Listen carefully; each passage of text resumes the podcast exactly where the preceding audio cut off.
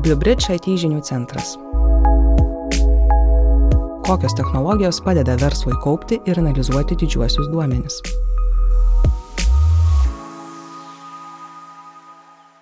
Didieji duomenys nebejotinai viena įtakingiausių pastarojo dešimtmečio tendencijų. Tačiau gauti apčiuopiamą didžiųjų duomenų naudą, įžvalgas padedančias realiu laiku priimti verslui svarbius sprendimus, įmanoma tik išsprendus duomenų struktūravimo problemą. Įveikti šį svarbiausią duomenų valdymo iššūkį gali padėti net kelios duomenų saugojimo technologijos, apie kurias pasakojo BlueBridge infrastruktūros sprendimo vadovas Algirdas Vunys ir vyresnysis sistemų inžinierius Edgar Viršilo. Visi duomenys virsta didžiaisiais duomenimis. Didžiuosius duomenys paprasčiausiai apibriežti kaip visus duomenys, kuriuos gauname iš renginių ir generuojame patys, nuo elektroninių laiškų iki nuotraukų socialiniuose tinkluose. BlueBridge infrastruktūros sprendimo vadovas Algirdas Lunys paaiškina, kad didžiuosius duomenys galima apibūdinti kaip duomenys, kurie plečiasi trimis kryptimis. Didėja jų apimtis, įvairovė ir kaitos greitis. Tai pavyzdžiui reiškia, kad nuo periodinių duomenų pereiname prie realaus laiko duomenų naudojimo, o saugant tokius duomenys prireikia jau ne gigabaitų, o terabaitų. Kaip pasakojo pašnekovas, didžiųjų duomenų savokos centre prielaida, kad iš esmės bet kokie duomenys yra vertybė.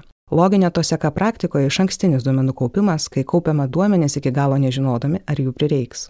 Pavyzdžiui, galbūt tam tikra informacija leis nustatyti vartotojo elgesio tendencijas ar atlikti prognozes tik po keliarių metų. Tačiau šių duomenų kaupimą turime pradėti jau šiandien, tam, kad įžvalgos grįstos jų analizė būtų paremtos istorinė informacija.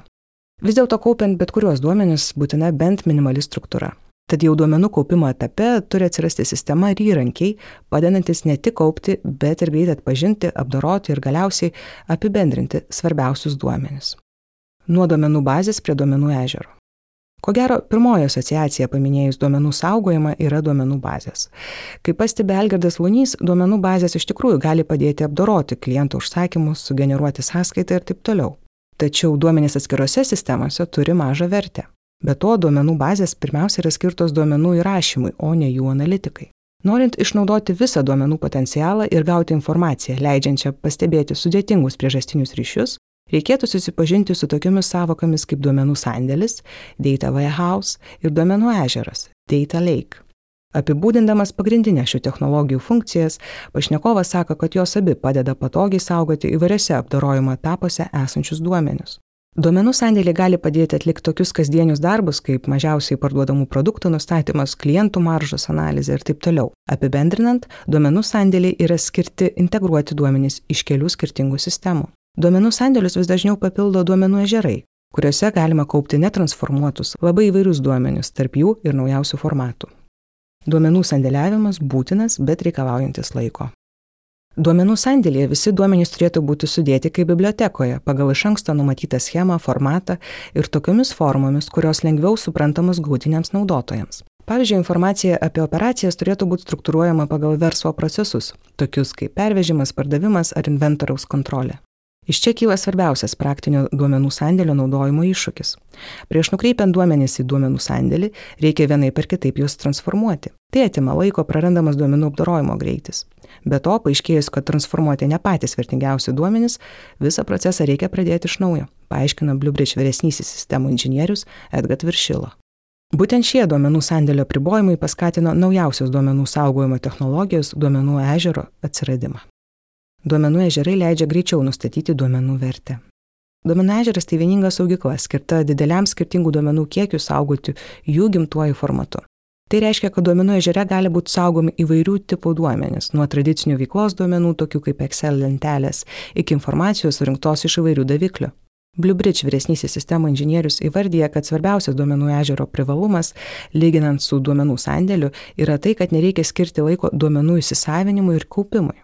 Duomenų ežere duomenys gali būti nestruktūruoti ir netransformuoti iki tol, kol nebus žinoma jų vertė ir nuspręsta, ar jie iš vis bus analizuojami. Todėl su duomenų ežero gauname mažesnį duomenų vėlavimą, momentinę prieigą prie įvairaus tipo duomenų, lengvesnį išplėstinių duomenų analizės, scenarijų kūrimą ir galiausiai taupų didelių duomenų kiekių saugojimą.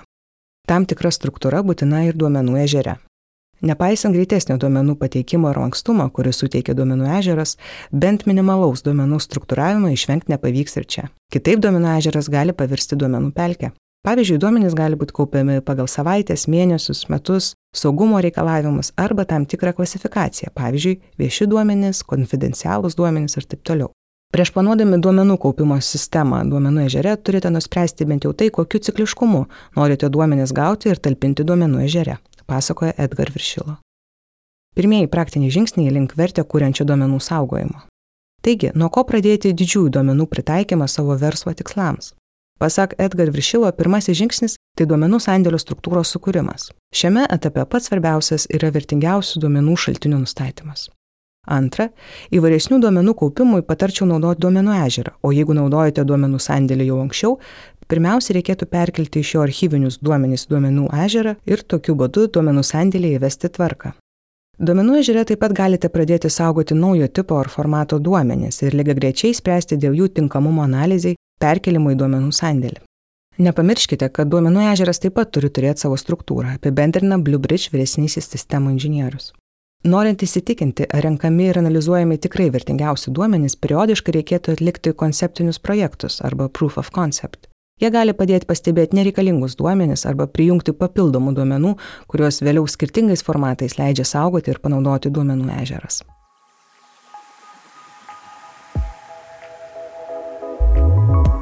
Jūs girdėjote Bluebridge IT žinių centro straipsnį. Daugiau verslui ir IT bendruomenė aktualios informacijos, eksperto įžvalgų, klientų sėkmės istorijų ir IT sprendimo apžvalgų rasite Bluebridge svetainė adresu bluebridge.lt pasvirasis brūkšnys IT žinių centras. Straipsnį garsino Inga Glebova, muziką sukūrė Bluebridge IT inžinierius ir elektroninės muzikos kuriejas Edgar Hmilkoji visi.